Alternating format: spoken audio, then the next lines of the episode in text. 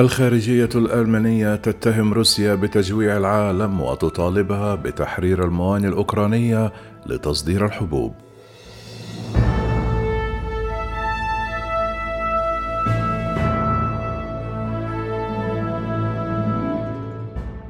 ناشد وزراء خارجية مجموعة الدول السبع روسيا لتحرير طرق التصدير البحري للحبوب والمنتجات الزراعية الأوكرانية الضرورية لتغذية العالم مع ارتفاع أسعار المواد الغذائية وحظر برنامج الغذاء العالمي من عواقب كارثية إذا ظلت الموانئ الأوكرانية مغلقة. قالت وزيرة الخارجية الألمانية أنالينا بوربوك يجب ألا نكون ساذجين إن روسيا وسعت الحرب الآن ضد أوكرانيا لتشمل العديد من الدول كحرب الحبوب إنها ليست أضرار جانبية إنها أداة في حرب مختلطة تهدف إلى إضعاف التماسك ضد الحرب الروسية.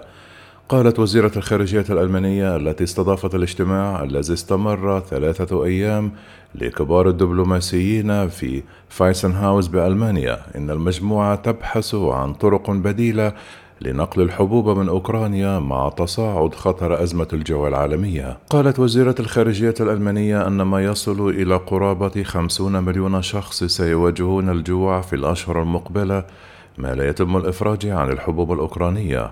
حوالي 28 مليون طن من الحبوب عالقة في الموانئ الأوكرانية المحاصرة من قبل القوات الروسية. مع استمرار الصراع في أوكرانيا نظرت بعض الدول إلى الهند كمصدر بديل للحبوب. لكن بعد اتخاذ خطوات لتوسيع صناعات الصادرات الزراعية حظرت الهند يوم الجمعة صادرات القمح متعللة بمخاوفها المتعلقة بالأمن الغذائي.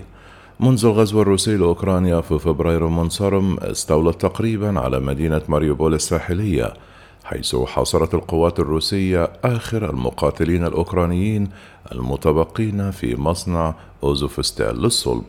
كما سيطرت روسيا أيضا على منطقة خيرسون على البحر الأسود وأطلقت صواريخ على ميناء أوديسا الرئيسي الذي لا يزال تحت سيطرة الحكومة الأوكرانية.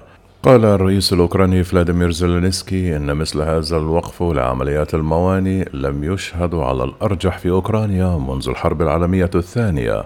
وقال وزير الخارجية ديمترو كوليبا الجمعة أن أوكرانيا مستعدة للمشاركة في محادثات مع روسيا لإلغاء حظر إمدادات الحبوب لكن حكومته لم تتلقى ردود فعل إيجابية من المسؤولين في الكرملين.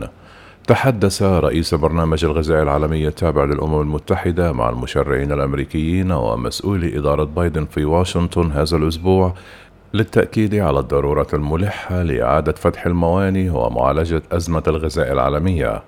تزرع أوكرانيا ما يكفي من الغذاء لإطعام قرابة 400 مليون شخص سنويا، وتأتي 30% من إمدادات القمح العالمية من روسيا وأوكرانيا وفقا لبرنامج الغذاء العالمي.